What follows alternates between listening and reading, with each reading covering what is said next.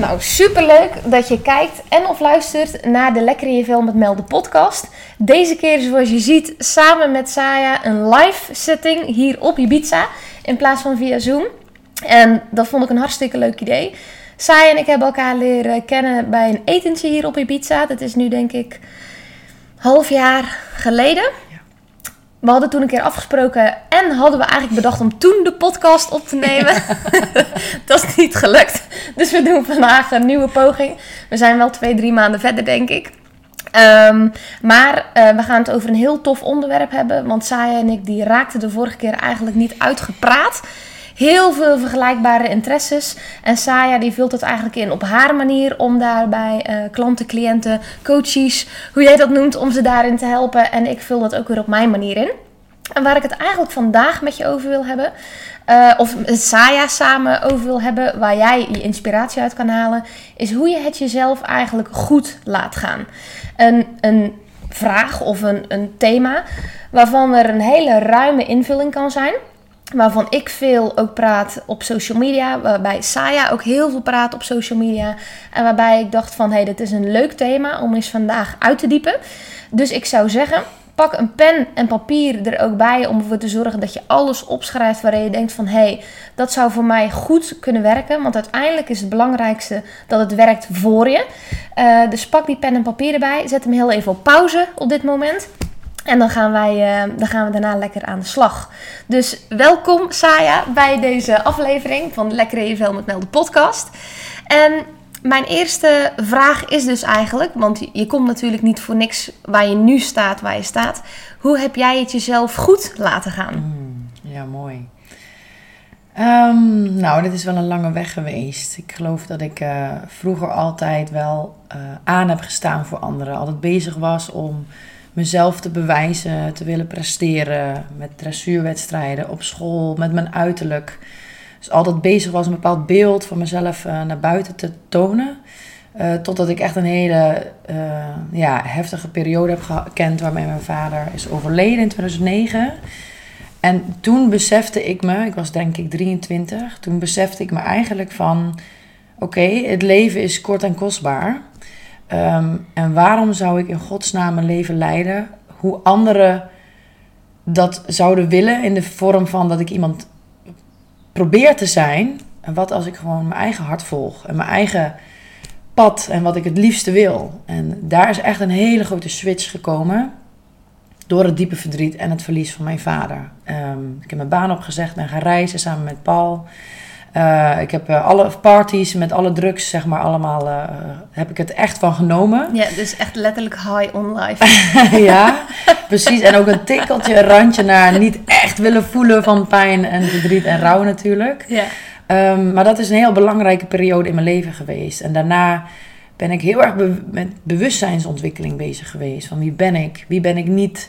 Laagjes afgepeld van, van allerlei wie ik, denk, wie ik dacht te moeten zijn. En dat, heeft eigenlijk een, dat is eigenlijk een aantal jaren ook weer zo verder gegaan tot nu. Inmiddels ben ik 36 op dit moment. Um, en ja, dus als ik het, als ik het heel kort samengevat, is iedere keer weer naar mezelf kijken van hé, hey, wie ben ik, wie ben ik niet, um, waar word ik het meest blij van in mijn leven. En dat iedere keer volgen. En um, ik geloof dat dat ook heeft geresulteerd dat ik nu op Ibiza woon, zo'n half jaar. Um, door, door min of meer op mijn plek te komen staan in mijn familiesysteem. Dus ik ben nu denk ik een jaar of vijf zeker bezig met familieopstellingen. En vorig jaar de opleiding gevolgd om me daar zelf helemaal in te bekwamen. En dat heeft voor mij nog meer doorbraak gebracht in uh, het mezelf goed laten gaan. Um, ja, met, met alles wat zich bij, bij aandient. Want er komt natuurlijk wel schuldgevoel, maar daar gaan we het waarschijnlijk ook nog wel over hebben vandaag. Hè? Ja. Dus voor mij gaat het echt over: durf ik mijn schuldgevoel te nemen um, en met mezelf goed te laten gaan. Ja. Ook als het anderen niet zo goed gaat. Ja. Ja. ja. toevallig zag ik namelijk uh, gisteren uh, van een, een van jouw beste vriendinnen bij Greta. Mm. Dat um, iemand had gereageerd dat zij op vakantie waren. En dat daaronder stond van... hé, uh, hey, uh, uh, waarom moet je dit nou laten zien? Ik zit hier te ploeteren en ik kan geen nieuwe pan kopen. Mm. Um, en dat hij daar dus een post over had gemaakt. De partner van Greta. over inderdaad het jezelf goed laten gaan.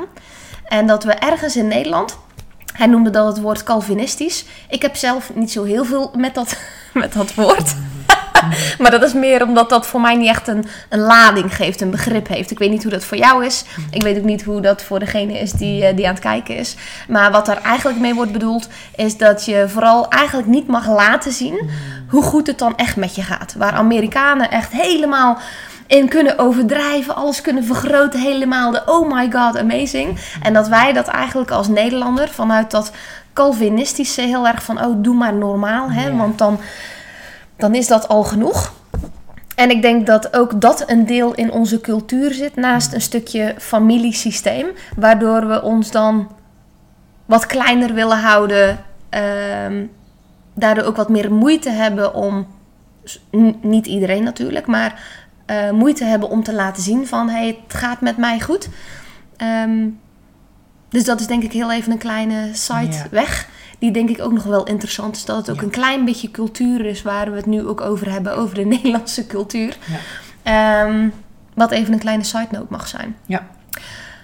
In jouw geval, als iedereen goed heeft geluisterd, dan hebben we het eigenlijk al over een proces van 23 jaar tot 36. Hebben we het dus al over 13 jaren. Een persoonlijke ontwikkeling. Uh, en dat dat steeds laagje voor laagje, dat je nu eigenlijk staat en erachter bent gekomen rondom vijf jaar geleden met die familieopstellingen. Van hé, hey, ik laat het eigenlijk mezelf niet goed gaan. Kan je voor jezelf eens uh, kan je uitleggen waarin je merkte van hé, hey, ik, ik laat het eigenlijk mezelf niet goed gaan?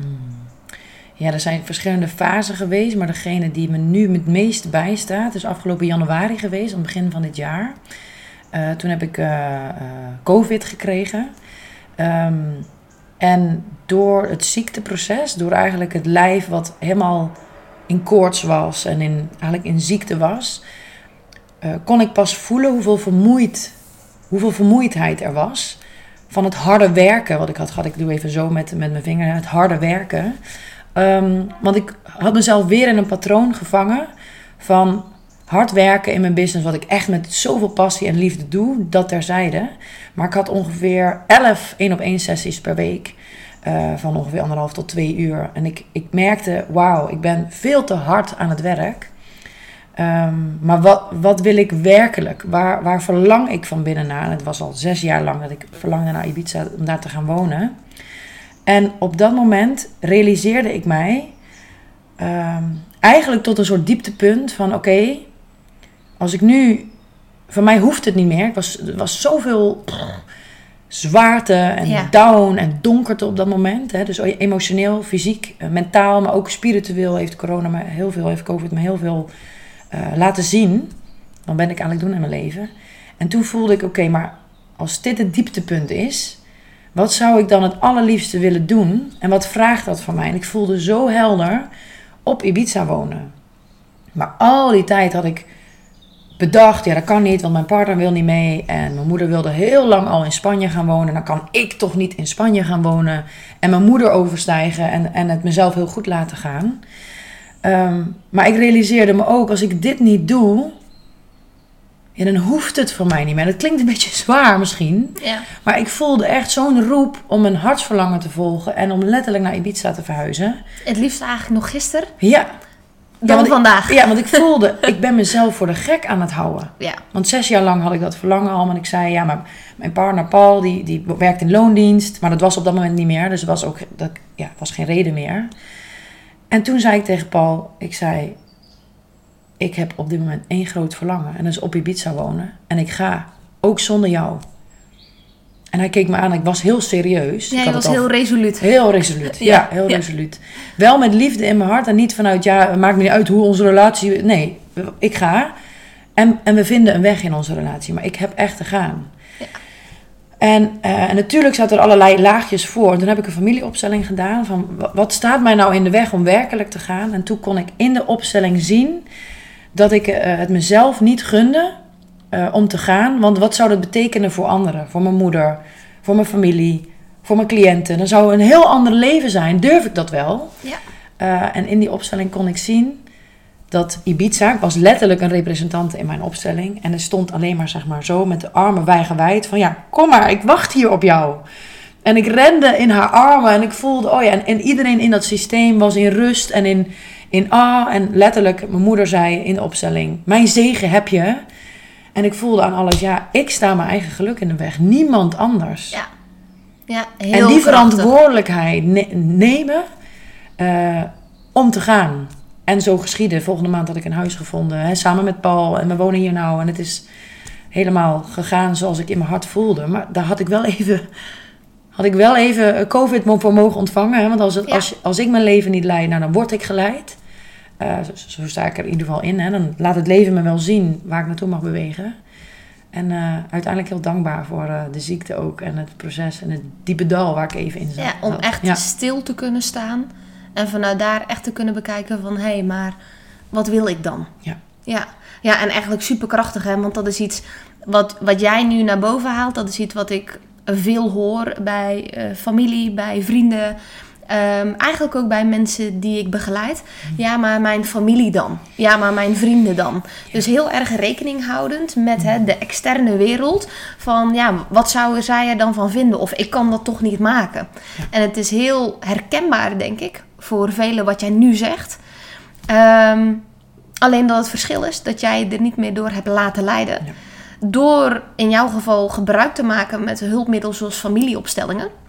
En ik weet niet of dat iedereen bekend is met familieopstellingen. Ik denk dat dit ook een heel mooi moment is. ehm, wat dat eh, voor Saya eigenlijk betekend heeft. Eh, maar ook dat Saya daarin ook een facilitator is om familieopstellingen te kunnen doen bij haar. Ehm, en dat dat eigenlijk in jouw leven zo'n vijf, zes jaar geleden eigenlijk tot jou gekomen is. Ja. Kan je eens ons meenemen in dat stukje hoe dat eigenlijk ten eerste bij jou gekomen is? Dat jij ervan af wist, dat je denkt van hé, hey, dat bestaat, familieopstellingen. Ja, zeker. Dat heb ik dus, eh, en vaak ben ik de tijd kwijt, maar vijf tot zeven jaar geleden ongeveer zat ik in een programma van eh, negen maanden. Dat heette Flow. Dat was echt een programma voor innerlijk leiderschap. En eh dat was de derde sessie, eh, ging over familieopstellingen. En ik weet nog dat ik daar stond en dacht, what the heck is dit? Wat een toneelshow. Ehm, en voor degene die familieopstelling nog nooit heeft gedaan, daar ga ik dadelijk wat meer over vertellen. Maar als je het kent, dan kan je me misschien een beetje voelen dat je denkt, wat de hel is dit? Ja. Dus eigenlijk een opstelling gaat over dat eh, een bepaald thema waar je tegenaan loopt, waar je last van hebt, dat breng je in. En er worden representanten uitgenodigd. Die representanten staan voor bijvoorbeeld je vader, je moeder, je broer, je overleden tweelingziel, je opa, je oma. Of een andere vorm, hè, de oorzaak van bepaalde angsten of zo. Die worden opgesteld. En daar wordt zichtbaar wat er in het onbewuste, zeg maar, zichtbaar wil worden. Ja. Ehm, dat wordt aangekeken, waardoor het kan verzachten, waardoor er meer rust kan ontstaan. En waardoor jij letterlijk je lasten die je met je meedraagt, laat bij het systeem waar het hoort, of bij je opa of je oma. En aankijkt wat van jou is. En het is eigenlijk traumaheling. Dus in die opstelling voor de eerste keer toen ik daar stond, stond ik tegenover mijn vader en tegenover mijn moeder. Niet in het echt, hè, maar representanten voor Ja. hun. En zelfs hun gezichtsuitdrukking, want die mensen kenden mijn ouders helemaal niet. Zelfs hun gezichtsuitdrukking klopte met de werkelijkheid hoe mijn vader en mijn moeder naar mij keken. Ja. En door bepaalde zinnen uit te spreken naar mijn vader en mijn moeder, helende zinnen noemen we dat, kan, kan letterlijk lasten losgelaten worden die ik met me meedroeg. Dat ik terug kon geven aan mijn vader, want ze horen niet bij mij. Het is het lot van mijn vader, dat hoef ik niet te dragen. Die last geef ik terug. En ik kijk aan wat mij, van mij is. Dat ik misschien mijn vader enorm heb gemist. Of hè, dat, dat hij niet voor mij was in mijn jeugd. De eerste drie jaar van mijn leven was hij bijvoorbeeld letterlijk niet in mijn leven. Mijn ouders waren toen niet samen. En dat kon ik aankijken, waardoor ik diepe trouw, eh, diepe rouw kon voelen, diepe verdriet. En ik voelde me daarna, ja, misschien wel vijf kilo lichter, Ja. omdat ik een soort eh, trauma had losgelaten. Ja. En toen dacht ik, wauw, dit, wauw, ik voelde me nou helemaal in thuis. Mijn mind snapte er niks van en ik zat wel in een fase waarin ik alles wilde begrijpen. Ja. Maar eh, naarmate de tijd vorderde, heb ik vaker een keer in een opstelling en dan kwam het weer voorbij. En toen in de plek waar ik woonde, waren een aantal opstellers. ehm, waar ik steeds naartoe getrokken werd, zeg maar, om dat te doen. En om een thema aan te kijken waar ik tegenaan liep. En iedere opstelling was life-changing. Life-changing, omdat ik eindelijk kon zien waar zit de bron en de oorzaak van iets waar ik tegenaan loop in mijn leven. In plaats van, ik zeg wel eens coaching en vele vormen van traumaverwerking en therapie. Het is prachtig. Maar het haalt eigenlijk de bovenkant van het onkruid weg. En het onkruid kan weer verder groeien. Ja. Is helemaal prima. Alleen als je daar oké mee bent. Als je daar oké mee bent. Ja. Als je echt de diepte wil pakken, dan is een opstelling haalt de wortel van het onkruid als het ware weg, zodat het ook niet meer terug kan komen. Ja. Zodat je eigenlijk je trauma letterlijk, en het is super intens, want je, hè, de, de primaire emoties die we voelen van het echte pijn, het verdriet, dat duurt meestal maar 90 seconden, maar is heel heftig. Ja. Uh, en secundaire emoties zoals boosheid, daar plakken we er vaak op. En dan kunnen we ons leven lang kunnen we met secundaire emoties leven. Ja. Maar een opstelling ondersteunt je naar die primaire emotie te gaan. En die is nodig om de, de wortel van het onkruid eruit te gaan, laten. Zodat je als gevolg je veel vrijer voelt. Niet meer belast bent. Patronen hebt achter je gelaten. Uh, het lot van je ouders niet meer draagt. En dus ook niet meer voor je partner, voor je kinderen. En het jezelf daarmee goed laat gaan. Omdat jij vrij bent. Ik zeg wel eens leeg bent. Ja, en het bewustzijns, het pad van bewustzijnsontwikkeling gaat voor mij over leeg worden. Zodat het leven door je heen kan bewegen. Zodat je kan ontvangen wat voor jou is. De stroom van overvloed, de stroom van het leven wil voor je zorgen. Maar dan mag jij er voor je laten zorgen. Ja, want even, je zei net ook heel mooi hè, dat je dus niet de lasten draagt Ehm, van je ouders, van je familie. Van je voorouders, ja. Hoe, hoe kan dat überhaupt? Hè? Want mhm. we, we weten, als we kijken in de tastbaarheid van... nou, hè, jij bent Saya, hier zit, je bestaat uit 50% van je moeder... 50% van je vader, biologisch gezien. Maar waar we nu over praten zijn echt over energetische zaken... die je eigenlijk ja, tot je neemt. Kan je ons eens meenemen in dat stukje hoe je dan... of waarom... Mhm je dus van nature, want jij bent niet de enige, dat is zeg maar wat natuurlijk gebeurt, dat je de lasten draagt van je ouders. Ja. Waarom je dat doet? Ja, hele mooie vraag. En allereerst is dat omdat we als kind van onze ouders loyaal zijn aan de ouders. Dus als kind zijnde, stel dat je ouders, in mijn geval hadden mijn ouders een huwelijk waarbij ze de eerste drie jaar van mijn leven uit elkaar waren. Toen hebben ze ervoor gekozen om samen te zijn. En als kind wil je niets liever dan dat je ouders gelukkig zijn. En zeg je eigenlijk liever ik dan jij. Dus liever ben ik ongelukkig en ben jij ongelukkig. Dat is de loyaliteit van een kind. Dat doen we nou eenmaal. Ja. Dus in mijn geval, misschien herkennen veel mensen dat, uh, ging ik tussen mijn ouders instaan om hun proberen te redden samen, zeg maar. Om hun proberen hun relatie goed te doen. Dat doe je als kind. Want als kind vind je het ook fijn om groot en sterk te zijn. Ja. En dan zeg je eigenlijk van, wow, ik ben goed bezig. Ik ga mijn ouders helpen, want dat kan ik. Wat er eigenlijk als gevolg gebeurt, is dat je niet echt kind kan zijn. Dus dat je niet echt gaat spelen met andere uh, maatjes en kinderen. Maar je bent bezig om je ouders te willen redden. Of misschien zijn je ouders zodanig bezig, of zijn ze verslaafd. In mijn geval waren ze best wel verslaafd aan alcohol, omdat er heel veel trauma was. Um, dus, dus wil je daarin eigenlijk ook uh, op je. Hè, ik wilde op mijn tenen lopen, zorgen dat ik met mijn emoties in ieder geval niet ook nog bij mijn ouders aankwam. Ja, want ze hadden het al want zo ze zwaar. Hadden, ja, in mijn ogen zeg maar. Hè. Ja. Dus wat er gebeurt is vanuit de loyaliteit van een kind ga je proberen een van je ouders te redden. Ga je voor hen willen zorgen of voor een broertje of zusje. En daarmee start het hele proces van zorgen voor anderen en niet voor jezelf. Ja. Je kan niet meer zelf voelen wat zijn je eigen behoeften en verlangens. Je cijfert eigenlijk jezelf weg. En de loyaliteit van een kind behouden we naarmate we volwassen worden. En dat uit zich in willen pleasen, uh, overmatig zorgen, je overmatig verantwoordelijk voelen voor anderen. Uh, anderen op de eerste plek zetten en daarna jouzelf. En wat heel gevaarlijk is, is dat we dit eigenlijk als een soort normaal hebben beschouwd. Het is toch heel normaal dat je anderen eerst en dan de ander. Want anders ben je egoïstisch, egocentrisch. Denk je aan jezelf. Dan, dan, dan, ja. Maar eigenlijk, op het moment dat jij het jezelf niet goed kan laten gaan, kun je een ander niet goed laten gaan. Want waar ben jij? En als je als moeder of als vader, ik heb zelf geen kinderen, hè, jij ook niet. Maar als je als vader of als moeder uh, zelfs nog meer zorgt voor je kinderen dan voor jezelf, leert een kind Ehm, dat papa of mama behoeftig is. En gaat een kind ook voor papa en mama willen zorgen. Terwijl als jij het jezelf goed laat gaan.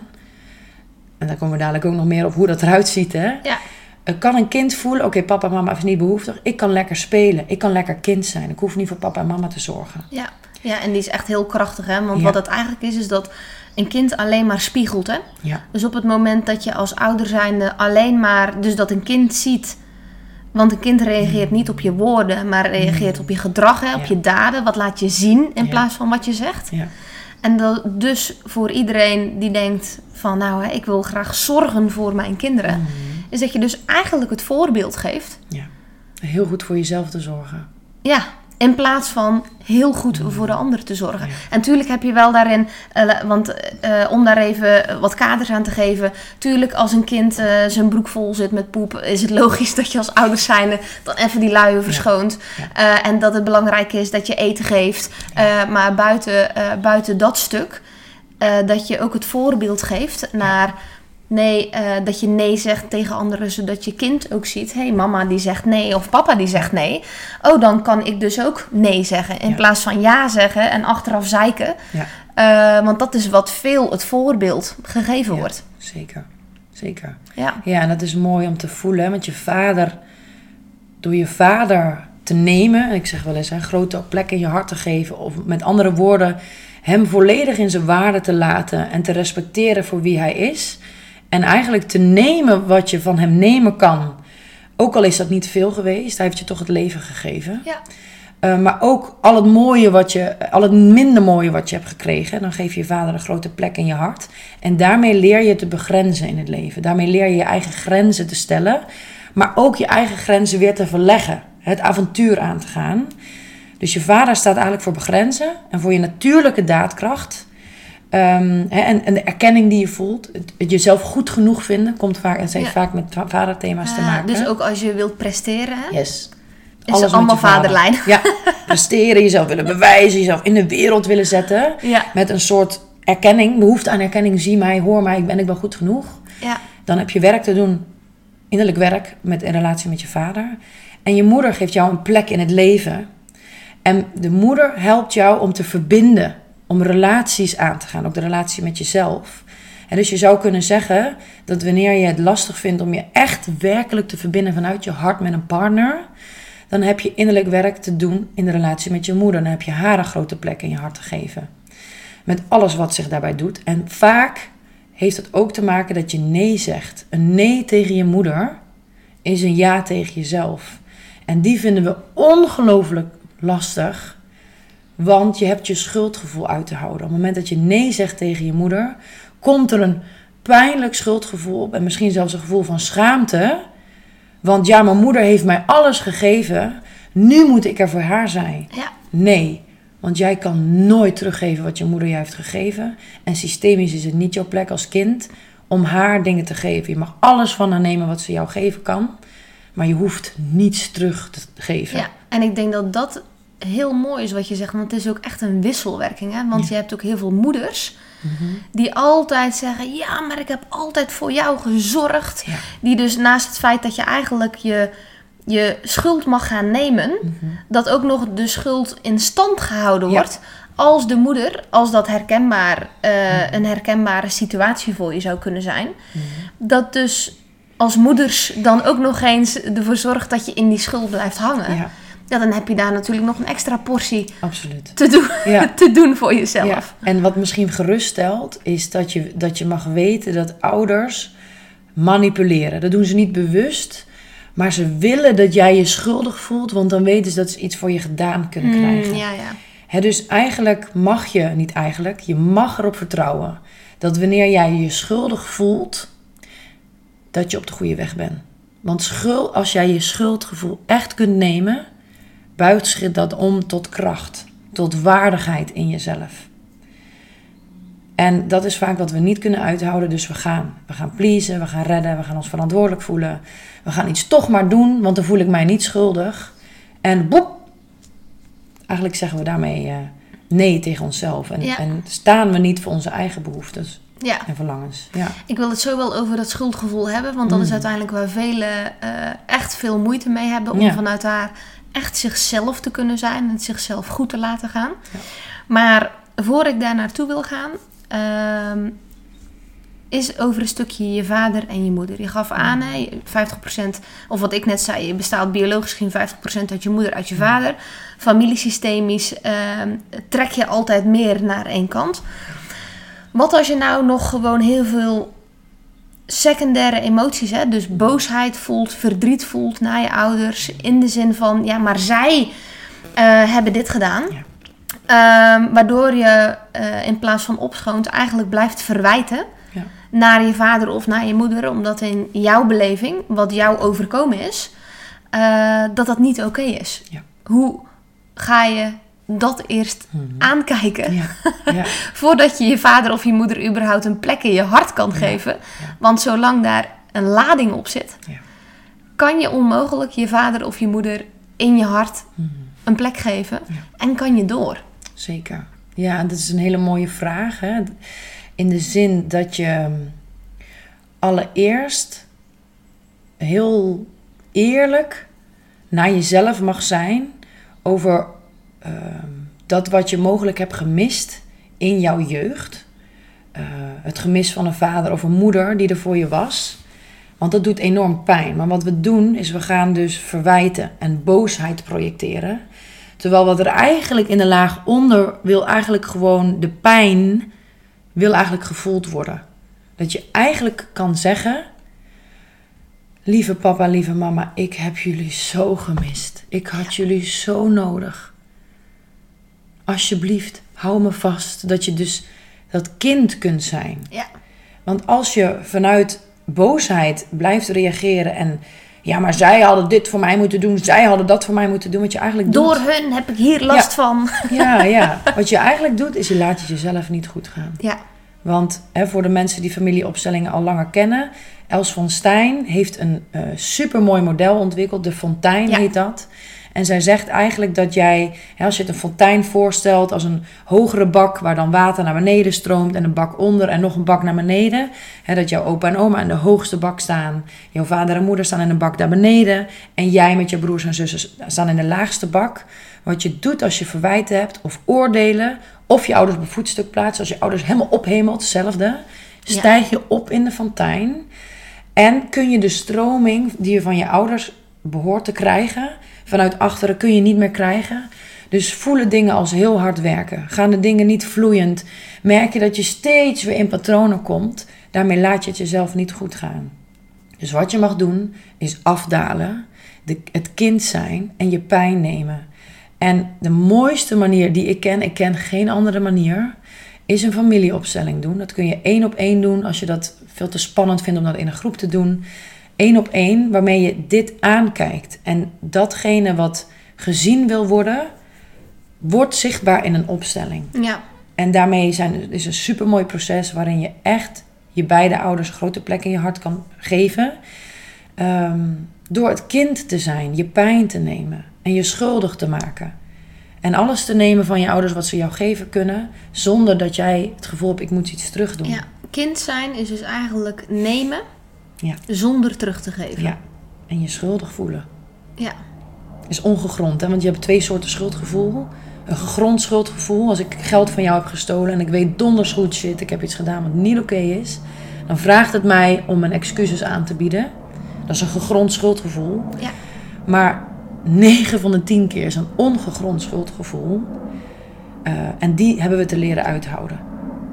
dat, mijn, dat mijn moeder me belt, kun je, kun je mij helpen? En dat ik voel nee, want ik ben nu bezig met mijn eigen leven. Ik zeg nee tegen mijn moeder en ja tegen mezelf. En ik kramp helemaal in en mijn buik gaat helemaal uh, in elkaar van het schuldgevoel. Ja. En dat heb ik te leren uithouden. Te blijven ademen ermee, even heel flauw, maar gewoon er mee te blijven zijn. Ja. En vervolgens voel ik, oh ja, dit is mijn plek. Ja. Ja. Dat gaat eigenlijk over op je krachtplek staan. Vanuit die plek kun je het kun je het leven nemen en door je heen laten stromen. En doen wat kloppend en goed voelt voor jou. Mooi. Als we het hebben over dat schuldgevoel, want je gaf net eigenlijk al een heel mooi handvat. Door het eigenlijk uit te zitten, door met dat schuldgevoel te gaan zitten. Ja.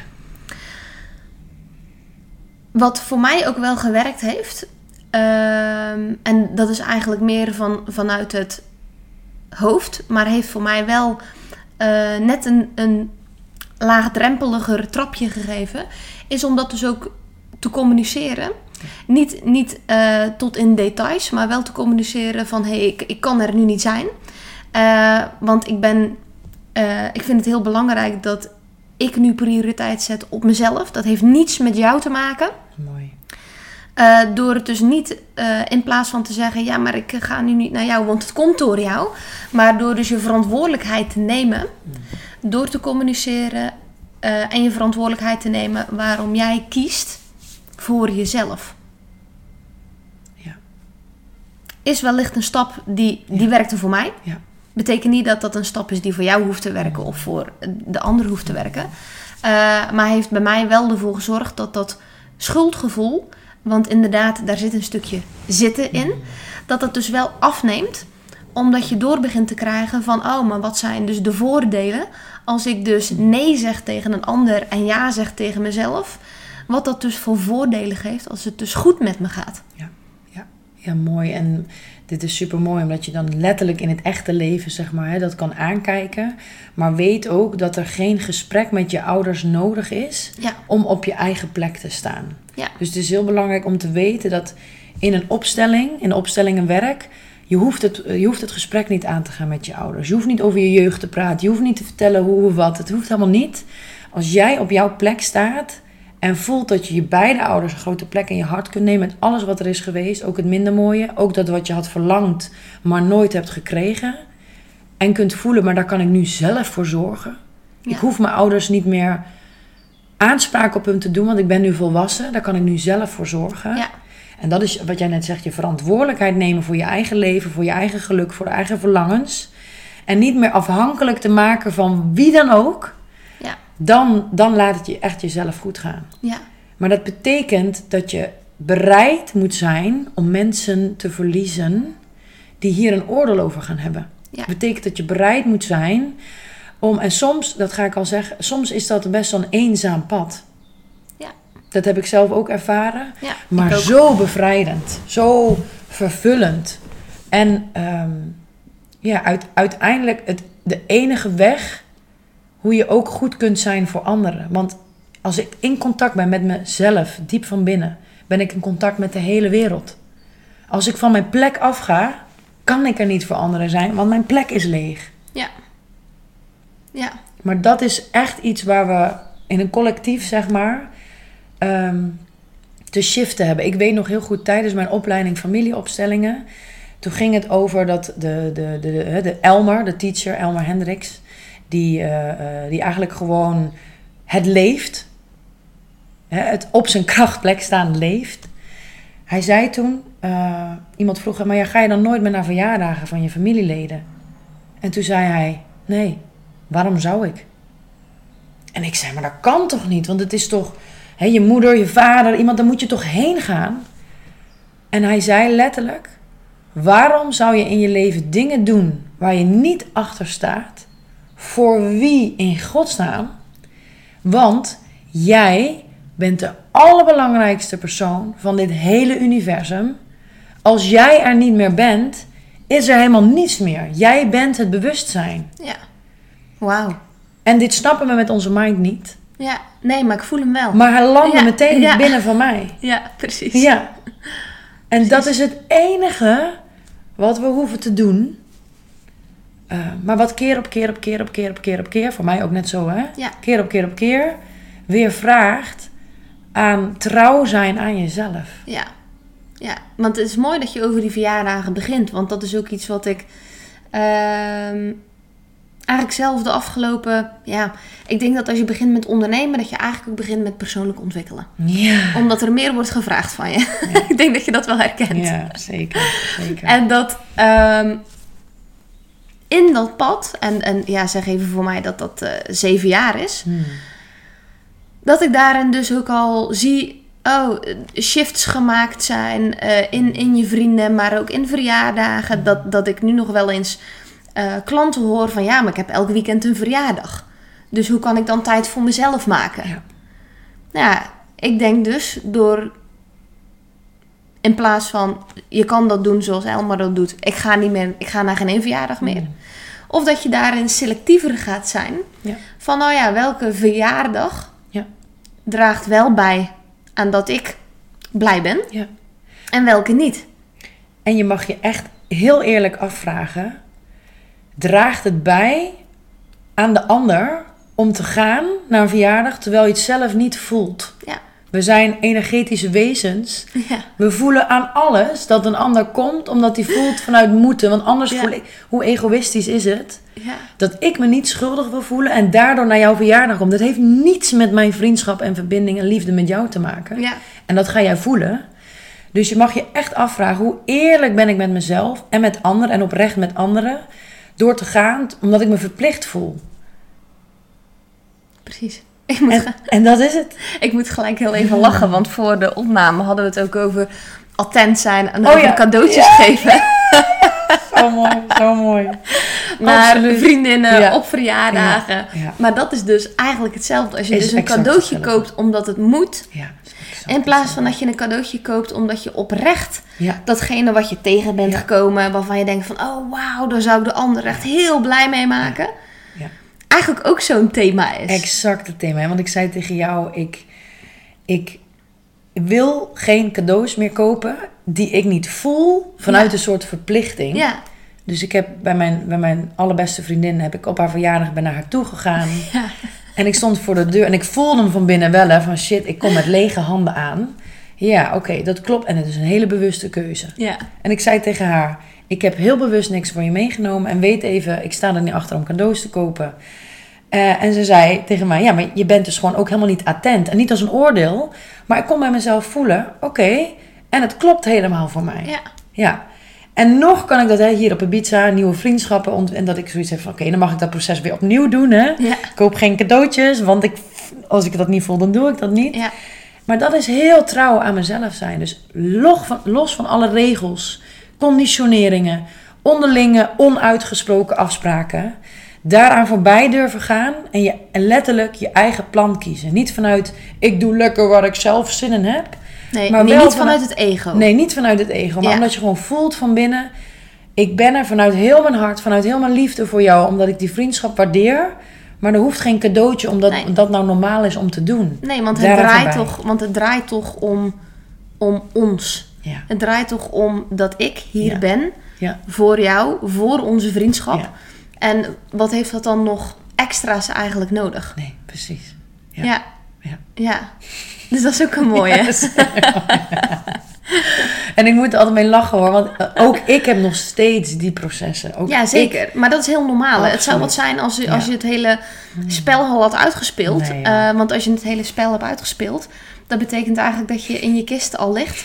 Eh, want dan is het spel uitgespeeld. Snap je? Ja. Dus, dus dat geldt voor jou, dat geldt ook voor mij als we het hebben over persoonlijke ontwikkeling. Bepaalde lagen, je antwoorden in beweging vinden. Er zal altijd weer fine-tuning zijn in je processen waar je mee doorgaat. Dus, dus laten we vooropstellen, ik weet niet of dat jij dat ook had eh, vroeger toen je begon eh, met ondernemen, maar dus ook aan persoonlijke ontwikkeling.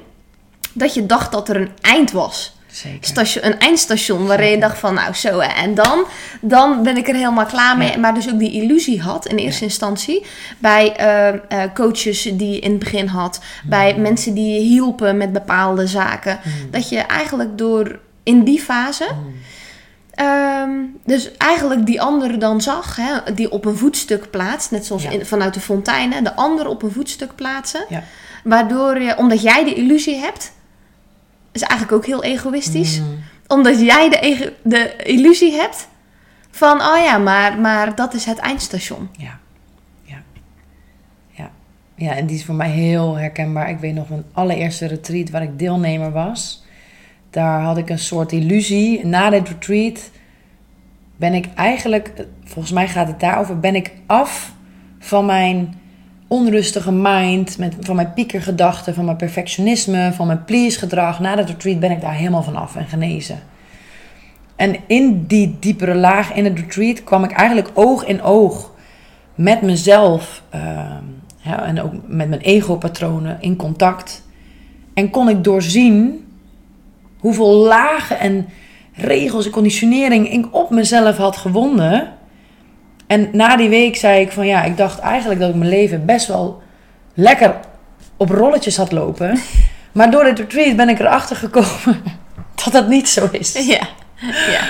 En, uh, en toen zei de teacher, ja, hij zegt, want je kwam hier natuurlijk om verlichting te bereiken. Ja. En dat heb je nu niet bereikt. Dus je ego is teleurgesteld. Bam! En ik voelde van, wow, oké. Ja. Ja, en, en eigenlijk de mooiste realisatie, die kwam daarna pas. Hè, want na een retreat dan pas komt een integratie. Kon ik merken, hé, hey, maar er is helemaal geen eindbestemming. Nee. Er is helemaal geen, daar moet ik te zijn. Geen eindbaas. Dus- nee, precies. en iemand vroeg mij dat tijdens mijn eigen retreat die ik begeleide. Van, wat is zelfliefde voor jou? Ik zei, het is een ongoing reis Ja. die we hier maken. Een avontuur zonder eindbestemming. Zonder het streven, nou die of dat moet ik worden. En dat geeft eigenlijk heel veel rust. Eigenlijk gewoon, het is alleen maar in het hier en nu. Alleen maar loskomen van wie ik denk te zijn, wie ik denk te moeten zijn. En zien dat ik de waarnemer ben, het bewustzijn. En dat het leven door mij heen komt. En ik enkel dat hoef te volgen. En dat er geen ik is die het goed kan doen. En er is ook geen ik die het fout kan doen. Er bestaat überhaupt geen ik. Er is alleen maar bewustzijn en alleen maar het leven zelf. Wat gewoon geleefd wil worden. Wat het, wat het avontuur. En dan komen we weer terug bij het kind. Kinderen willen een avontuur aangaan. Ja. Onbevangen, nieuwsgierig, moedig, daadkrachtig. Verwonderend. Ki- ook. Verwonderend. En kinderen kunnen heel goed voor zichzelf zorgen. En die zijn eigenlijk heel rebels. Eh, en dat is prachtig. Maar dat hebben wij ergens verloren. Ja. We hebben ergens een soort keurslijf. Zo hoort het te zijn. Ja. Maar laat dat kind in jezelf maar gewoon. En dan niet, niet het kind die behoeftig is. En, hè, dat, dat, maar, maar het kind wat heel goed voor zichzelf kan zorgen. Ja. Dat goed weet wat het nodig heeft. Daarvoor kan staan. Daarvoor kan, kan dat, dat met daadkracht en onbevangenheid kan verzorgen. Ehm, ja, dat is volgens mij een mooie houding om aan te nemen. Ook voor mezelf keer op keer. Het spelen, Ja, ja, zeker. onbevangenheid. Lekker laten bewegen door het leven. Eigenlijk keer is het elke keer weer die balans. Hè? Als we het hebben tussen de, het innerlijke kind die we Mm. allemaal in ons hebben. Mm, Als voor jouw innerlijke kind resoneert, dan is het dat. mm. Is het eh, een ander woord, dan is het ook goed. Hè? Want uiteindelijk is het belangrijk dat je je eigen woorden vindt. Precies. Waardoor het voor je resoneert van... hé, hey, wat, wat is datgene in mij? Ja. Ehm, En dat je dus ook te maken hebt aan de andere kant met de volwassenheid. Ehm, en dat uiteindelijk, als we het hebben over echt volwassen zijn... eh, dat, er, eh, dat dat is het kunnen verantwoordelijkheid nemen... Ja. voor daadwerkelijk wat je doet... Ja. zonder te vingerwijzen naar de ander... Ja. En het is ook heel volwassen om het dus jezelf goed te laten gaan. Door dus nee te zeggen. Ja. Dus zowel in die, ik noem dat zeg maar even emotioneel volwassen zijn. Eh, zit dus sowieso die balans tussen het enerzijds het verantwoordelijkheid nemen. eh, en dus nee zeggen, grenzen. En dus aan de andere kant, als we het hebben over het innerlijke kind. Toch ook dat innerlijke kind in je, de speelsheid, daar ook de ruimte voor geven om dat te doen. Maar ook te leren luisteren en in te voelen van... hé, hey, ook dat innerlijke kind heeft nog gevoelens. Zaken die in de volwassen wereld afspelen... die triggeren in het innerlijke Mm. kind. En daar ook de ruimte voor geven. Sterker nog, anders word je geleid door het innerlijk kind. Dus je, je zou kunnen zeggen dat alle emoties komen voort uit die vierjarige versie van jou. Op het moment dat je hem of haar abandoned, hoe noem je dat? Eh, verwaarloost. Ja, Net doen of het er niet is. Streng voor bent of whatever we voor patronen hebben. Word je geleefd door dat vierjarige deel in jou. Dus door je trauma's, je pijn, je verdriet, je boosheid. Allemaal te doorvoelen, door je heen te laten stromen zonder er enig oordeel te hebben of whatever. ja, Word je leeg. En kun je werkelijk volwassen zijn. Want werkelijk volwassen betekent dat je zoveel mogelijk leeg bent van binnen. ja. Dat je niet wordt geleid door je trauma's, je conditioneringen. En daarom is innerlijk werk zo belangrijk wat mij betreft. ja. Omdat je alleen maar dan daarmee jezelf goed kan laten gaan. Ja, en even voor trauma's, hè? want ehm, eh, ik vind dat zelf altijd een hele mooie nuance om te geven. Want Mm. trauma's is een heel ruim en Ja. breed begrip. Toen ik begon aan persoonlijke ontwikkeling, dacht ik: ik heb geen trauma's. Mm. Want ik heb geen vader en of moeder gehad die me misbruikt heeft, die geen alcohol verslaafd is of drugsverslaafd of uh, me geslagen heeft of uh, uh, noem maar alle, mm. ja, eigenlijk extremere vormen om. Waar we dan verhalen over horen in podcasts, in interviews, bij de Oprah Winfrey Show, bij wijze van. Waardoor je dus op het moment dat je dat in je jeugd niet hebt meegemaakt, uh, en dat zijn vaak de, ja, toch de verhalen die in eerste instantie de televisie halen. Want die, hè, die zijn het meest spannend. Nu heb je gelukkig andere kanalen. Maar dat trauma in de ruimste zin van het woord ook simpelweg kan zijn dat je emotioneel niet de aandacht hebt gekregen die je graag had gewild. En wat ook een trauma kan zijn, is dat een heel simpel iets is dat jij graag een snoepje wilde. En uh, dat je eigenlijk liefst elke dag een snoepje wilde. En dat mama dan heel vaak nee zei. Precies. En dat trauma is dus naast de hele grote. Uh, extre of extremer, de grotere trauma's. Eigenlijk alle kleine zaken. Mm. Voor degene die zich daar nu misschien beter in herkennen. Mm. Eigenlijk net zo groot zijn. Want voor een kind, ja. het onderscheid, het enige wie het onderscheid maakt, is wij als volwassenen van, oh hè, maar die is misbruikt door een vader. Ja, dat is veel erger dan dat ik uh, emotioneel geen aandacht heb gekregen. Maar at the end, voor ons onbewuste zenuwsysteem, is dat trauma, het misbruikt worden door je vader, uh, of uh, geen, emotioneel geen aandacht gehad te hebben, is voor een onbewust zenuwsysteem exact hetzelfde. Het wordt exact hetzelfde geregistreerd. Ja. Waardoor je dus in die hypersensitiviteit gaat in je zenuwsysteem. En daardoor gaat pleasen, daardoor gaat presteren, daardoor gaat zorgen. En daardoor eigenlijk al die conditioneringen omhoog komen. Om ervoor te zorgen dat je overleeft in de situatie waarin je zit. Ja. En dat vind ik nog wel heel even een mooie nuance om te geven. Zeker omdat die vanuit mezelf ook heel herkenbaar is. Van ja, maar hè, ik heb niks meegemaakt, want mm. die heeft dat wel gehad. Waardoor je eigenlijk je eigen ding te niet doet. Nou ja, eigenlijk wil je dan je eigen pijn niet onder ogen komen. Ja. En er is zo'n spreuk volgens mij van Peter Levine. Ehm, als je meent dat je geen trauma hebt, dan ben je naar de verkeerde planeet gekomen. ja. ja. Ja, het is echt een illusie. Uh, en ik hoor die ook wel vaak. Maar het kan niet zijn. Je bent allemaal zijn we getraumatiseerd. Ja, precies. Het kan eigenlijk niet het kan anders. Niet zonder, nee. Want ik dacht, ik had op een gegeven moment die illusie, hè. Stel, hè, ooit, ik wil kinderen. Nou, dan ga ik ervoor zorgen. Ja, grappig is die ook, hè. Ja. dan ga ik ervoor zorgen dat dat mijn kind niet overkomt. Ja.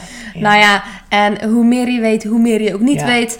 Ehm, eh, vanuit mijn achtergrond als fysiotherapeut, osteopaat, maar ook vanuit het systemische werk, dat je er gewoon achter komt van, oh ja, maar dat is ook zo'n ego-ding. zo'n superieur iets.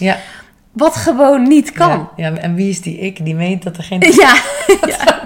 ja. Het, leven, het, leven leidt, ja, het leven leidt je daarin toch wel. Ja. En dat, dat ook dat dus weer een stukje is van: oh ja, maar dat gebeurt gewoon. Het gebeurt gewoon buiten de extreme zaken om. Het kan niet anders dat je trauma geeft. Mm-hmm.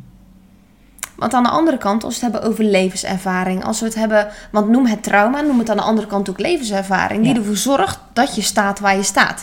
Precies. En dat het in plaats van uh, vingertje wijzen, ik denk dat jij net zo goed als ik er nu naar kan kijken dat zonder de shit die je gebeurd is, mm. je nooit had kunnen staan waar je nu staat. Absoluut. Ja. En dat het eigenlijk juist, hoe ironisch het ook klinkt, voor jou niet en voor mij ook niet, maar wellicht voor degene die kijkt of luistert wel, dat het eigenlijk een cadeau is geweest. Mm.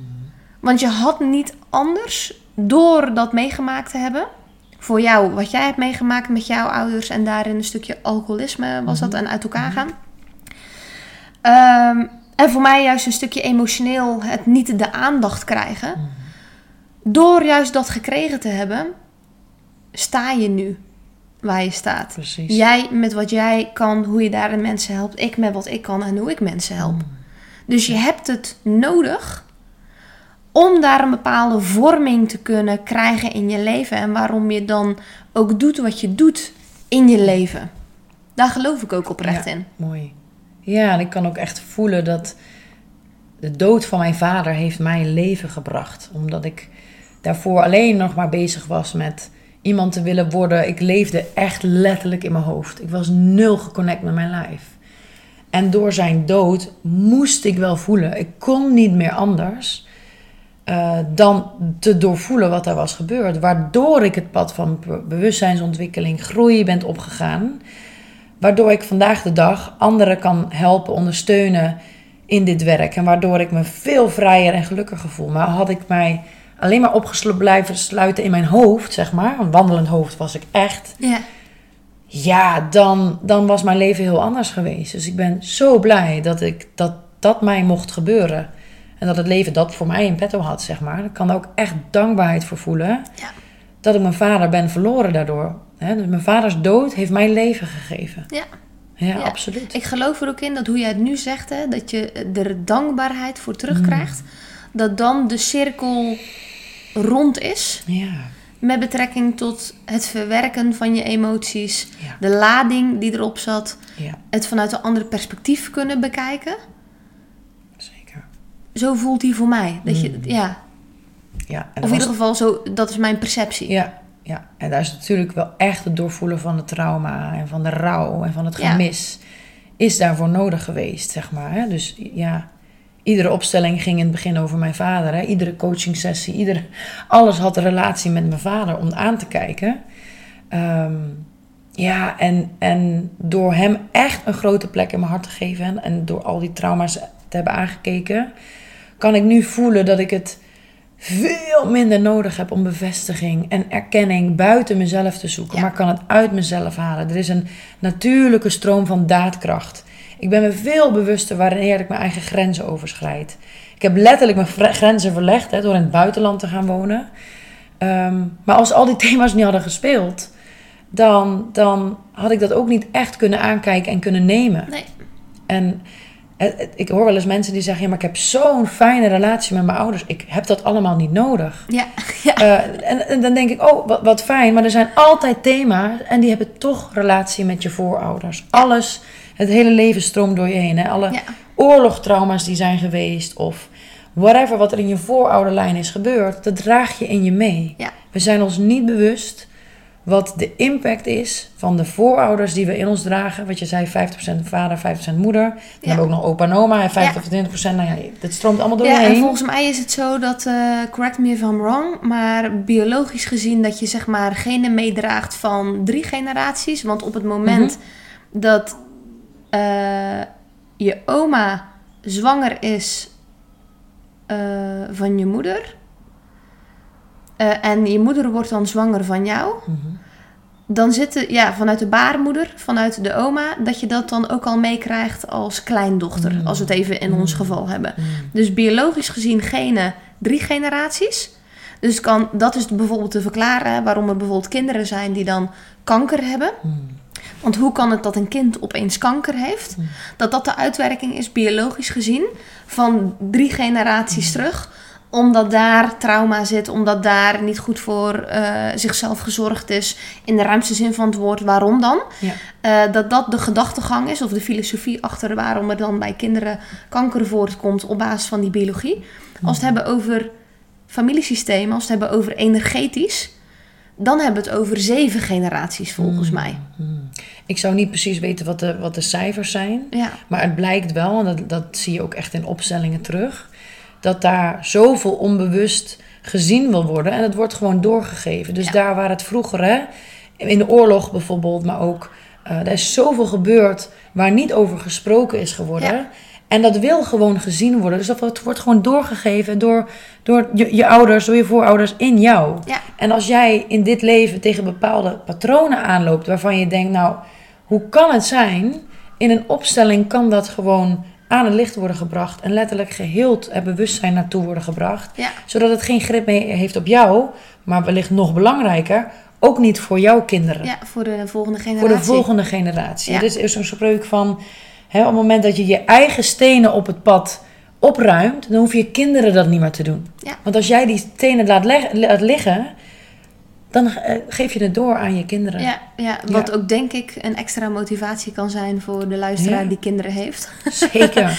Als je het dan niet voor jezelf wil doet. doen, ja. onder het mom van zorgen voor een ander, doe het dan voor je kinderen. Zeker, zeker. Ja. Ja. Want goed, uiteindelijk na die eerste familieopstelling bij jou, mm.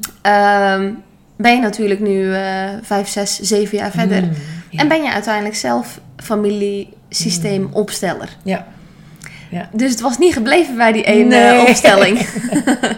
Want wat was er bij jou? Want dat, dat vind ik ook wel interessant. Buiten de uh, diepte in de materie die we gedoken zijn. Ook naar een stukje persoonlijke ontwikkeling van jou. Um, hoe dat zo uiteindelijk geëvolueerd is. Mm. Dat jij nu dus ook zelf facilitator bent in familieopstellingen. Ja, mooi, heel mooi. Ja, wat, wat, wat nu meteen bij me opkomt, is dat ik uh, vorig jaar, ik denk twee jaar geleden, oh, nou ja, ongeveer anderhalf, twee jaar geleden, zeg maar. Uh, met een van mijn uh, collega's waar ik mee samen in hetzelfde gebouw werkte, in mijn praktijk als coach zij volgde een opleiding in familieopstellingen. En ehm, eh, ik voelde de roep om bij zo'n dag bij te wonen. Ik zei, oh, ik heb al een thema, daar wil ik wel inbrengen. Oh, zei ze, mooi, dan kan je die en die dag mee. Dus ik ging mee naar Elmer, naar de opleiding. Want ik had een thema wat ergens, uh, wat ik had zoiets, nou, dat wil ik wel aankijken. En in die opstelling, tijdens die opleidingsdag, kon ik voelen, en dat, ging, dat was het thema met mijn moeder, kon ik voelen dat ik ehm, dat door mijn jeugd en de relatie tussen mijn ouders en ik daar iedere keer tussen sprong, dat ik heel veel thema's die ik nu de vandaag de dag toen anderhalf jaar geleden had, daar zijn oorsprong in hadden. En Elmar begeleidde die opstelling. En het waren echt, ik stond trillend op mijn benen en moest zinnen uitspreken naar mijn moeder. En eh, het was heel duidelijk dat ik de moederrol had opgenomen. En, en vanuit haar pijn en behoeftigheid zij het kind. En het was zo helder voor mij dat ik dat steeds leefde, keer op keer terugleefde. Maar ook bij anderen zag en ook zag bij alle mensen die ik begeleide, hoe dat keer op keer een thema was. En ik voelde na die dag, maar dit wil ik leren. Ik wil leren hoe het is om als familieopsteller te zijn. Want al dat onkruid weghalen aan de bovenkant is hartstikke leuk. Ja, leuk en aardig. Maar ik voel dat ik ergens anders voor gemaakt ben. Dus ik voelde ook dat ik weg, meer wegbewoog van het coachingstuk. Want ik dacht, het, het lijkt soms bijna dweilen met de kraan open. en ik voelde ook geen energie er meer op. Ik dacht steeds minder dat ik, werd er steeds minder blij van mijn werk als coach. Ja. en COVID heeft mij geholpen dat ik al mijn één op één heb gestopt en niet meer verder ging in één op één coaching. Ik dacht, ik wil het gewoon niet ja, meer. Het kostte je te veel energie. Ja. En in die opleiding, een jaar lang, kon ik voelen: dit heb ik te doen. Hier gaat het over. Opstellingenwerk, dat is het. Uh, en daar voelde ik me gewoon steeds, steeds vrijer in. Van ja, doe maar gewoon een opstelling. En then we'll see, zeg maar. In plaats van ellenlange gesprekken, ellenlange sessies. Ja. En ik voel nu zoveel kracht dat ik mensen in Gisteren had ik weer een sessie. In één sessie dat zij zei: Ik heb jarenlang therapie gehad en coaching. En dit is mij nooit zichtbaar geworden. Ik voel nu al ruimte dat ik denk: Ja, maar hier gaat het over. Ja, ja en ik geloof ook dat wat zij zegt, hè, want uiteindelijk. Uh, uh, als je iets uit het onbewuste wil halen, mm. heb je dus ook wat onbewuster werk nodig in plaats van alleen maar te praten oh, vanuit dat hoofd. Praten, praten, praten. Het heeft geen enkele zin. Ja, maar wat ik wel geloof is dat je soms eerst zoals die, die mm. uh, vrouw, even haar als voorbeeld te nemen. Dat je soms eerst dat werk nodig hebt. Tuurlijk. Om nu te kunnen komen van... Hé, hey, maar wacht eens even. Ik, ik heb mijn laagjes afgepeld. Ik blijf nu steeds tegen dezelfde steen. Dat daarna de urgentie komt. Of het verlangen groter is dan de pijn. Dat je dan denkt... Oké, en nou... Let's deep dive. Want nou ben ik er helemaal klaar voor. Dus dat het ook timing... Mm geloof ik wel in. Het roept je, weet je, en dat is met alle soorten. Het roept je of het roept je niet. Kijk, en als je nu luistert en voelt van ja, maar weet je, iets roept mij. Uh, was bij mij ook, het, het riep mij. Ik kon niet anders dan. Kon niet negeren. Nee. En het belangrijkste is wel, want ik heb wel gezien, ook in opstellingen. Ik check ondertussen gelijk heel even of dat kan. Ja, ja, doe maar even. Daar had ik ook net aan gedacht. Ja, we zijn nog helemaal oké. Ja? Oh. Want ik dacht, oh, straks... Stel je voor dat hij het niet meer doet. Ja, Batterij leeg. Oh, ja. ja, ja, Ik heb het serieus wel eens een keer gehad, hè. Dat ik een hele podcast opgenomen. Ja. En toen wilde ik hem terugluisteren. Op? Geluid deed het niet. Ja, en dat we- ik heb we natuurlijk nou niet getest, maar dat, dit is Van moment één. Ja, ja, en dat ik dacht, oh fuck. Ja. En ik had al een beetje weerstand op het maken van die podcast. En toen dacht ik, oh, moet ik nog een keer? En toen dacht ik, ja Mel. Ja, heel lekker dan. Ja, Maar ik dacht nu even, even checken ja, ja, zeker. Fijn. Ehm, Nee, wat er voor nodig is, is dat, kijk, met een secundaire emotie is niet te werken. Dus dat betekent eigenlijk, dus heel even kort hè, want ik Ja. begrijp dat. Maar voor degene die Ja, luistert dus misschien niet, wat is primair en wat is secundair? ja, ik heb een keer een opstelling begeleid, meerdere trouwens, waarin de, degene waar het over ging en die vraag inbracht, eh, totaal gedissocieerd was van het gevoel. Dus eigenlijk wat ik vooral kon zien is een wandelend hoofd. Ja. Dingen willen begrijpen in de opstelling. Met de mind willen snappen. Analyseren. Hoe zit het? Oh, wie, voor wie staat dat? Dan ben je dus eigenlijk de hele tijd in het hoofd bezig. Maar wat het echt van je vraagt is afdalen. Naar beneden. Waar zit de pijn? En ben ik bereid om die pijn volledig aan te kijken en te doorvoelen? Ehm, mijn, mijn diepste opstelling was er eentje. Ik stond voor mijn moeder en ik moest zinnen uitspreken. Ik ben door mijn hoeven gezakt van verdriet. Maar echt. Ja, de echte ugly cry, De alles echt en eraan. Ja. En die vinden we allemaal super spannend, super heftig. Oh nee, we, we doen er alles aan om daar niet te komen. Ja. Maar het is meest helend. Ja. Dus als je in een opstelling bereid bent, dan mag je echt bereid zijn om naar je gevoel af te dalen. Ja. Met snottenbellen, met alles wat er is. Ik zeg dan echt tegen mensen, doorvoel het maar. Precies. Al, al moet je hier overgeven. En dan Ja. kijken ze me aan, helemaal strak. Saya, wat gaan we doen? Ja, en ik zeg, ben je bereid om dat met jezelf aan te gaan? En weet dat je veilig bent. Ja, precies. Want nee, maar wat doen we in het hoofd terugtrekken? Met een secundaire emotie, boosheid, verwijten eh, naar je ouders, heeft het geen enkele zin. En dan stop ik met alle liefde de opstelling, want het heeft geen zin. Ja. Ja. Ja. Ja. Mooie shift ook, wat ja. je zegt. Ja. ja, want dan he- er is niet mee te werken. Ja. En het is niet erg, het is niet, maak jezelf niet fout op het moment dat je merkt van oké, misschien ben ik wel in zo'n secundaire emotie. Ehm, want dan heb je nog even tijd nodig. Ja, En- dus de timing is Ja. er nog niet. Maar weet ook dat het eigenlijk is, ik laat het liever mezelf slecht gaan dan dat ik mijn pijn doorvoel. Super. Super slim. Ja, dat is het. Want dat is uiteindelijk, als je dat beseft, dus de vertaling van het niet willen afdalen naar die primaire pijn, Hmm. je dus eigenlijk zegt, ik heb scheid aan mezelf. Ja. Ik Liever heb zo'n fucking scheid aan mezelf. Ja. Ja. Dat is wat er eigenlijk gebeurt. Ja. En als je die woorden Ja. eigenlijk dan nog eens hardop tegen jezelf in de spiegel zegt, dan ben ik benieuwd of dat je dat dus Hmm. recht je, je eigen ogen in je eigen irissen aankijkende en dan die woorden uitspreken, of dat je dat kan. Ja. En als je het kan, of dat je het dan ook echt voelt Ja. en dat je dan denkt, oké, Ja. Ik denk dat er geen andere optie is, Ja. Ja. Ja. want je hebt geen scheid aan jezelf Nee. van hé, hey, ik mag hier naar kijken. Ja. En weet ook even, hè, dus als, als familieopsteller is het voor mij volkomen oké. Ik hoef niemand te redden. Ik hoef niemand te fixen. En het is zelfs zo ehm, dat wanneer iemand liever uit het leven wegbeweegt, dat dat ook helemaal oké is. Als iemand zegt van hé, hey, maar dit leven, ik kies liever om er weg van te bewegen. En ik, ik zou het nog bijna niet willen uitspreken, maar liever beweeg ik nog naar de dood. Ja, die voel ik ook, ja. Dan is, dat, dan is dat wat het is. Ja, En als familieopsteller heb ik geen enkele, heb ik geen enkele, wil ik iets fixen. En dus dat zien we in een opstelling moment. Laatst had ik het dat je echt zag dat een vader van de cliënt bewoog naar de dood. Dat is heel pijnlijk voor een kind om te zien. ja. Maar een opstelling, het meest helend is de realiteit onder ogen te komen. accepteren. Ja, mijn vader beweegt naar de dood. Ik hoor bij de levenden. Jij hoort bij de doden. En van naar mij uit mag je helemaal dood zijn. En ik Ja. eer jou door het mezelf goed te laten gaan. Ja. Dat is de realiteit ook onder ogen komen. Die is het meest helend. Ja. Die is het meest bevrijdend. Daar, daar kunnen we het leven doornemen. En ik denk ook dus te accepteren Ja, dat als andere mensen dus niet kiezen voor zichzelf. juist. En voor het leven daarmee. Ja, Mm. precies. Dat dat dus, dat je dat mag gaan accepteren. Juist. En dat willen we vaak niet, hè? want we willen kosten wat het kost. Eh, Ja. Alleen we hebben niets te beslissen over leven en dood. Daar hebben we niets over te bepalen. Precies. Ja. Ja, en ik denk dat dat nog het lastigste is, omdat je dus geen invloed hebt op de ander. Mhm.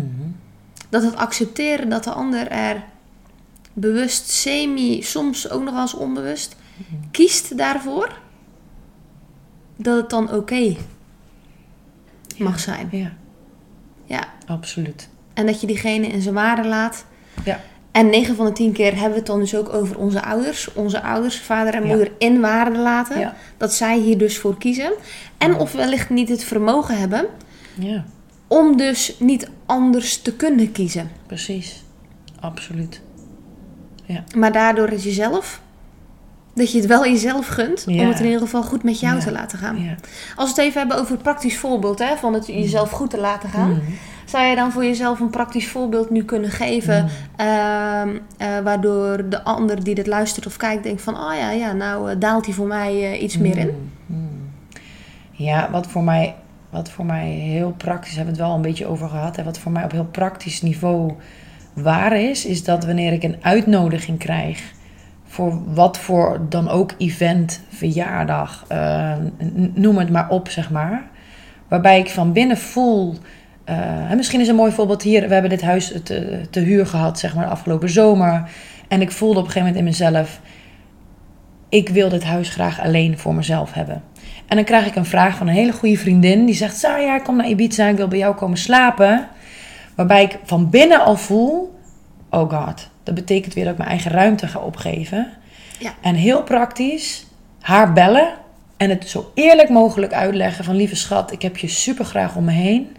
En weet dat ik er letterlijk ziek van ben geworden deze zomer. Ehm, en voor mij klopt het als je een nachtje wil komen, twee nachtjes max, want dan vind ik leuk, dan hebben we het gezellig. En langer is niet mogelijk. Ja. Ja. Heel praktisch. Ja, En, en dat zij antwoorden naar mij: Wauw, wat fijn dat je zo eerlijk voor me, bij me bent. Helemaal goed. ja, En onze vriendschap is alleen maar closer geworden. Doordat ik, ze zegt dan eigenlijk: Wat jij doet nu, zou ik zelf ook willen doen. Want wij hebben het huis ook altijd vol met gasten. ja. Ja. Ze zegt, het voelt super respectvol. En dat open. Dus dat is een hele praktische manier. Het mezelf goed laten gaan. Niet denken, nou, ik doe maar twee nachtjes. Nee, want ik voelde echt van twee nachtjes helemaal goed. Nee, want als je dat doet, dan gaat die vriendin juist voelen van... hé, hey, ik ben hier niet welkom. Juist. Terwijl door juist nu eerlijk te zijn en het te betrekken op jezelf... Ja. Door te communiceren, ik zou het heel graag willen... maar ik, ben, ik word hier letterlijk ziek van, ik kan niet anders meer. Heel dat hij juist heel zuiver voelt. Ja. En dat is denk ik, de, als we het hebben over praktisch, een voorbeeld van jou met als takeaway voor degene die luistert. Door altijd te communiceren vanuit jezelf, Hmm. Niet in te vullen voor de ander hoe die het zal gaan vinden, niet in te vullen eh, hoe die ander, eh, of, of waarvan jij denkt hoe, die, hoe dat dan zal verlopen. Ja. En alleen maar zuiver te communiceren van hoe het voor jou is. Ja. Dan kan de ander hoe spannend het ook kan zijn, hè, want het kan soms wel eens spannend zijn. Ik denk ook dat als daar geen spanning meer zou zijn, eh, dan zit er geen emotionele lading ook meer op de vriendschap en of de verbinding die er is. Mm. Dat ehm, door juist het op jezelf te betrekken, de ander niets anders dan compassie, zoals dat bij jou een heel mooi voorbeeld is geweest, compassie kan hebben voor hoe je dat doet. En als die ander geen compassie heeft, want dat is wat ik ook wel eens ervaren heb, dan weet je dus dat hetgene wat dus ontvangen wordt eigenlijk zo triggerend is in, in zijn of haar eigen stukken, Ja. Dat je nog steeds compassie kan hebben voor de ander, omdat Ja. je dus ziet van hé, hey, wauw, Ja. ik trigger de ander gewoon simpelweg in zijn of haar stukken. ja. En je Het heeft eigenlijk niets, Niets, met mij nee. te maken. Dus en dat- is wat we doen, hè? We willen het dus, ja, mag het ze ook zeggen hoor. Nee, precies. Ja, nee, wat, wat je zegt klopt. En dat gaat eigenlijk over... Ik laat bij de ander wat van hem of van haar is. Ja, En ik kijk aan wat van mij is. ja, Maar ik hoef niet te pleasen, mezelf te verantwoorden... of allerlei fratsen uit te gaan halen... om links of rechts te moeten wenden. ja. Want zo wordt het alleen maar erger. Nee, en sterker nog, door te begrenzen, door te zeggen twee nachtjes is oké. alleen door te begrenzen kun je verbinden. Ja, Er is geen verbinding nodig door te, als je niet begrenst. ja. Nul. En dat vergeten we, want we zijn... We, we, we, willen alleen maar, oh ja, prima, en oh, kom maar. En het is allemaal, oh, ik wil zo makkelijk zijn. Oh, en ik zorg voor jou. Er is geen verbinding mogelijk als we dat doen. Ja. Er is begrenzing nodig, dan pas verbinding. Ja, en eigenlijk is het heel egoïstisch mm. als je het dus naar jezelf toetrekt. Dat is één voor jezelf, maar ook voor de ander. Als je dus weet van hé, de ander trekt het persoonlijk naar zich toe, dan is de boodschap niet goed begrepen. Mm. Dus kan je dat uiteindelijk ook nog, als je wil, mm. communiceren. Ja. Uh, dat het dus niet gaat om de ander. Nee. Het niet gaat om de waarde van de vriendschap, maar dat het hierin echt gaat om jou. Mooi. Ja. ja. En ik denk wat een, uh, als we het ook hebben over een praktisch voorbeeld vanuit, uh, vanuit mezelf, die, uh, waarin die van jou heel zuiver is. Ik in mijn beginselen van dit proces ook een, een voorbeeld heb die nog niet zo zuiver was. Um, en die ik dus zuiver heb moeten trekken. Maar dus wel de vriendschap gekost heeft. Hmm. En ben je dus ook bereid om dat dus te dragen. Ja. En dat is denk ik wel een voorbeeld, een wat klassieker voorbeeld van uh, uh, die mensen ook wel zullen herkennen. Dat heeft te maken met live events. Dus in ons geval een bruiloft. En we hadden ervoor gekozen om met vrienden hier op Ibiza dat te vieren. En je hebt hier uh, villa's met een bepaalde capaciteit. Dat betekent dus dat je dus nog scherper moet kijken wie hoort daar wel bij en wie hoort daar niet bij. En dat ik me dus vanuit de pleasende rol ehm, een partner van een vriendin wel had uitgenodigd. Puur uit het pleasen, want hè, in het verleden, die had zoveel voor mij gedaan. Dus uit dat schuldgevoel moet die partner er mm. dus ook bij zijn. En ik dus dat had gedaan. Mm. En ik dus later voelde van, hé, hey, en hoe beter dat je getraind bent, hoe beter dat je dat voelt in je mm. eigen systeem. Dat dit gebeurt en dat je denkt, fuck, dit kan niet. Ja ik moet dit recht trekken. Niet voor omdat Marvin dat niet prettig vindt dat diegene er is, maar voor mezelf, omdat ik dus vanuit die, dat please gedrag mhm. en schuldgevoel die ander er maar bij betrek. En dat is natuurlijk een klassiek voorbeeld wat iedereen herkent bij bruiloften. Ja. Waardoor heel veel mensen denken, ah, laat maar komen. Ja. En uiteindelijk je niet de bruiloft hebt die je wilt. Nee. En ik dus de stoute schoenen heb aangedaan. En ik dus daar naartoe ben gegaan. En dus eerlijk ben geweest. Ja, en dat heeft me wel de vriendschap gekost. Omdat dus aan de andere kant die boodschap door triggers uit haar verleden, die ze op dat moment nog niet kon zien. Ik wil er ook niet te veel invulling aan geven op dit moment. Uh, want het is ook niet aan mij om dat uh, te delen van de andere kant. Maar dat ik dus wel dacht van... hey Mel, als je vanaf het moment één mm. zuiver was geweest in je communicatie... Mm. Yeah. dan was dit proces heel anders geweest. Ik ben met de billen bloot gegaan. Ik heb hier een fout in gemaakt. Um, en ja, dit is dus de consequentie mhm. van die fout. Ja. En dus oké ermee zijn. Ja. Dat er dus een vriendschap in eerste instantie ruimte nodig heeft. En later dan uiteindelijk ook ja, verbroken wordt. Niet in de hardheid van hé, hey, wij zijn geen vriendjes meer en klaar. Mm maar wel dat dat uiteindelijk gebeurt. Omdat je dus niet wel van tevoren afspraak met jezelf hebt gemaakt: ik ga zuiver zijn. Jezelf toch laat verleiden. En uiteindelijk toch later met de billen bloot moet. Uh, of in ieder geval, ik ben met de billen bloot gegaan. Want er zijn er ook genoeg die dan denken: ach, laat me hangen. Um, maar dat juist die fout mij nog beter ervoor gezorgd heeft van hey, blijf zuiver communiceren. Zeker. Want hetgene wat je niet wilt, gebeurt als je niet zuiver communiceert. Dus je trekt het juist aan. Je trekt juist de shit aan mhm. waar je zo bang voor bent. Door je in andere bochten te wringen dan dicht bij jezelf te blijven. Dus dat vind ik wel een mooi voorbeeld om naast jouw voorbeeld weg te zetten. Van oh ja, dat, dat kan natuurlijk ook. Dat is de consequentie ook kan natuurlijk ook als je wel zuiver communiceert. Hè? Maar dus ook een consequentie van als je niet zuiver communiceert. En voelt in je systeem van ik moet dit recht trekken voor mezelf. Ja. En dat vraagt echt moed. Dus ja. jouw voorbeeld is prachtig. Omdat je echt volwassen worden vraagt echt moed. De moed hebben ja. Om voorbij te gaan aan al je behoeftigheid en kindstukken en conditioneringen. Ja, en het goed genoeg willen zijn voor een ander, het geliefde willen zijn voor de ander. Waarmee je het allemaal niet bent. Ja. Hè? Want je hoeft alleen goed voor jezelf te zorgen, dan ben je goed voor anderen. Ja. Want dan ben je de meest liefdevolle persoon voor die ander. En ik zeg wel eens, de vriendschap is me zoveel waard. Dat ik zeg van, jij bent mij zoveel waard. Om eerlijk tegen te zijn. Ja. Ook als het heel lelijk is. Ook Ja. als het... Ja, Ja. want dat, dat is het wel. Dan, eh, maar vervolgens brengt het of verbinding Ja. of uit elkaar. Maar dan vroeg of laat had dat toch mogen ontstaan. En op het pad van zelfrealisatie, groei en bewustzijn... ga je op een gegeven moment merken... Nou ja, ik spreek voor mezelf, maar jij herkende het... dat er een handjevol misschien overblijft... Ja. Ehm, waar jij voelt, ja, maar ik vind het alleen maar heerlijk om veel meer op mezelf te zijn. Vroeger was ik een allemansvriend. En nu voel ik, Overal La- nergens. laat mij maar lekker. Ja, ja, zeker. laat mij maar lekker. Zeker. Heerlijk. Ja. Ja, Ik denk inderdaad dat ehm, in eerste instantie de moed hebben. dat moet hebben, ja. Dat dat zo belangrijk is.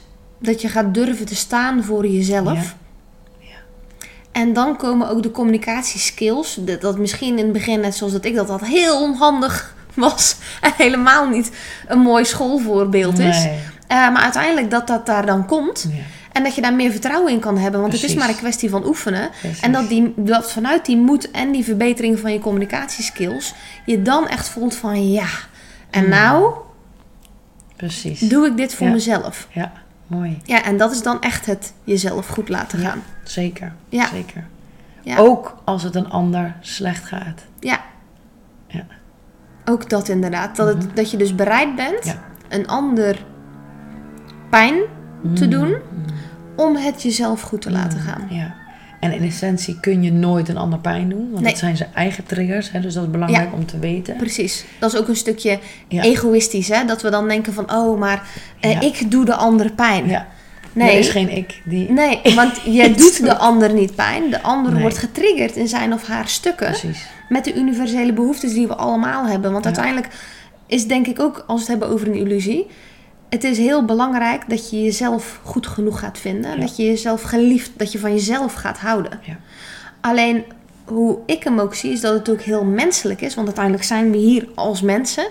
Dat we ook een, eh, en ik zeg dan maar heel even 10% eh, voor de vorm.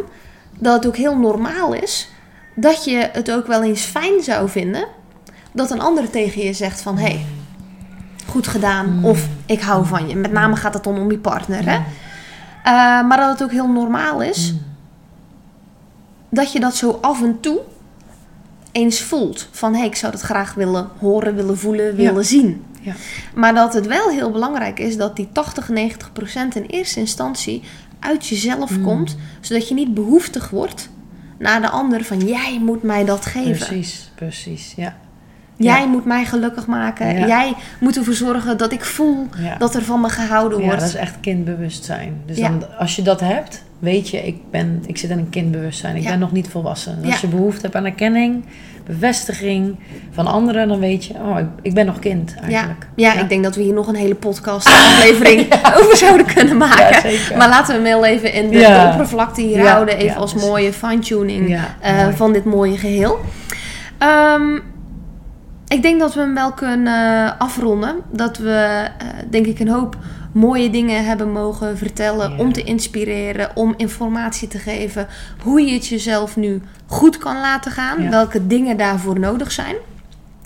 Ehm, en dat ik graag wil afsluiten met de laatste vraag. En dat is: wat zou jij nog iets mee willen geven Mm. Aan de kijker, luisteraar, waarvan je denkt van hé, hey, wauw, dat is nog een laatste toevoeging, een laatste stukje infospiratie, Mm. eh, om ervoor te zorgen dat diegene daar wellicht ook mee aan de slag Mm. zou willen durven Mm. gaan. Ja, mooi. ja. Mm. Of als je zoiets hebt van nee, dit gesprek is eigenlijk helemaal compleet, Mm. dan is het ook oké. Mm. Ja, ik moet meteen denken aan op het moment dat ik iets spannend vind in mijn leven of bepaalde, eh, bepaalde dingen doe die Ja, dat je op extra punt, kracht. dat je, ja, op een punt van moed. Ja, precies. Die echt extra kracht van me vragen. Wat ik op dat moment doe, en dat, is, dat wil ik meegeven, is mijn beide ouders achter mij neerzetten. Visueel. Mijn vader, mijn moeder. En te voelen dat het leven door mij heen stroomt. Dat helpt mij letterlijk. Dus al mijn voorouders op te roepen. Dat voor, echt voor me te zien dat ze achter mij staan. Dat wil ik je meegeven. En het kan zijn, dat heb ik ook wel vaker gehad, dat je voelt dat er een lege plek is. Dat je denkt, ik zet mijn vader en mijn moeder achter me, maar huh, waar is mijn vader of waar is mijn moeder? Dat dat zou kunnen betekenen dat je op dat moment niet op jouw krachtplek staat. Mm. Maar door te visualiseren dat jij het kind bent en je ouders achter jou staan en jouw het leven doorgeven. Ja, en wellicht ook dat je je ouders iets groter Juist. wegzet. Ik ben en de kleine, Iets jullie kleiner. zijn de grote, zeker. Kan het zijn dat je, dat je je bekrachtigd voelt, dat je letterlijk twee benen voelt. Dat je, als jij de kleine mag zijn, het kind van je ouders, eh, dat is iets wat ik wil meegeven. Dat helpt mij heel vaak Mooi. eh, op mijn pad als ik iets moeilijk vind of een keuze maak. Eh, dat is wat ik mee wil geven. Ja, en, en verder, laat het jezelf goed gaan. Het is echt een bewuste keuze die je kan maken. Je hoeft daar geen opstelling voor te doen. Je hoeft daar helemaal niets voor te doen. Je kunt er vandaag en hier en nu voor kiezen om het jezelf goed te laten gaan. Ja. En hoe ziet dat, dat er voor je uit? Ja. Een cappuccino, een glas water, een wandeling door de natuur, een goed gesprek met een vriendin, een podcast opnemen. Laat het jezelf goed gaan en kies daarvoor. Zo eenvoudig als het is. Ja. En ik hou dan Ja. altijd hele mooie woorden. Dank je wel daarvoor. Mm. Wat ik er als kleine eh, toevoeging aan wil geven, maar dat is een herhaling van wat ik al eerder heb gezegd in deze eh, aflevering, is dat als je dus steeds toch het de anderen weer goed laat gaan, vergroot het voor jezelf uit dat je dus scheid hebt aan jezelf. Dat je er woorden aan geeft. Want ik zeg even scheid hebben aan mezelf, omdat die voor mij eh, resoneert. Maar het kan zijn dat er voor jou een woord is, een zin die bij jou beter resoneert. Dat je echt denkt: oh, maar wacht eens even. Ik heb weer scheid aan mezelf. Nee, maar dat is niet wat ik wil. Ja. En dat je dan die keuze maakt. Ja. Dus zoek daarin een, een woord, een zin, waarin je voelt op het moment dat je op die keuze staat. En je hebt daarin, eh, ik vind het hele mooie met eh, je ouders en jezelf kleiner wegzetten. En die daar nog eens naast zet. Mm. Dat je dan denkt, oké, misschien gaan nou mijn beentjes trillen. Ja. Maar ik moet dit wel doen. mooi, ja. ja. En lachen natuurlijk. En dat is ook wat ik doe. Een beetje lichtheid, een beetje vreugde. Niet te zwaar Nee, maken. nee. Alsof Don't het een do, or die is hè, van de. X-Factor. Weet je nog? Ja, Van vroeger. Eh, maar Ja. eh, dat vooral. ja zeker. Goed, ik wil jou heel erg bedanken Mm. voor je tijd, je energie, je moeite. Dat we hier eh, aan hebben mogen spenderen, aan hebben mogen praten, hebben mogen Mm. verbinden. Dus dank je wel daarvoor. Jij ook bedankt voor je uitnodiging, voor de Ja. heerlijke sessie samen. Ik kan Ja. lekker kletsen met jou. Ja, Uren. ja precies. precies. ja, ik heb er ook echt ontzettend van genoten. Fijn. Dus eh, het was echt super tof. Ja, ik ook. En eh, ik hoop dat jij als kijker en of luisteraar er ook ontzettend van genoten hebt. Ehm, en mocht deze aflevering je nou zo inspireren dat je denkt van... hé, hey, wauw, dit is wat een ander ook echt moet weten. Ik hou ontzettend van ripple effect. Dus deel hem vooral op je socials. Vergeet dan vooral ook Saya en mij daarin niet te taggen, zodat wij dat ook zien. Mm. Want als we samen op deze manier de wereld een stukje beter kunnen maken, doordat je het jezelf eh, gunt dat het goed met je gaat, en dus eigenlijk ook een ander gunt dat het goed gaat met haar zelf of met hem zelf, Mm. Ehm, dat is natuurlijk hartstikke mooi. Dus ik zou je vooral aanmoedigen om dat te doen. Ik wil je bedanken dat je weer de tijd, energie en eh, ruimte hebt genomen om ook weer te luisteren en te kijken. Dank je wel daarvoor. En tot de volgende aflevering in de Lekker in je Vel met Mel, de podcast. Doei! Mooi.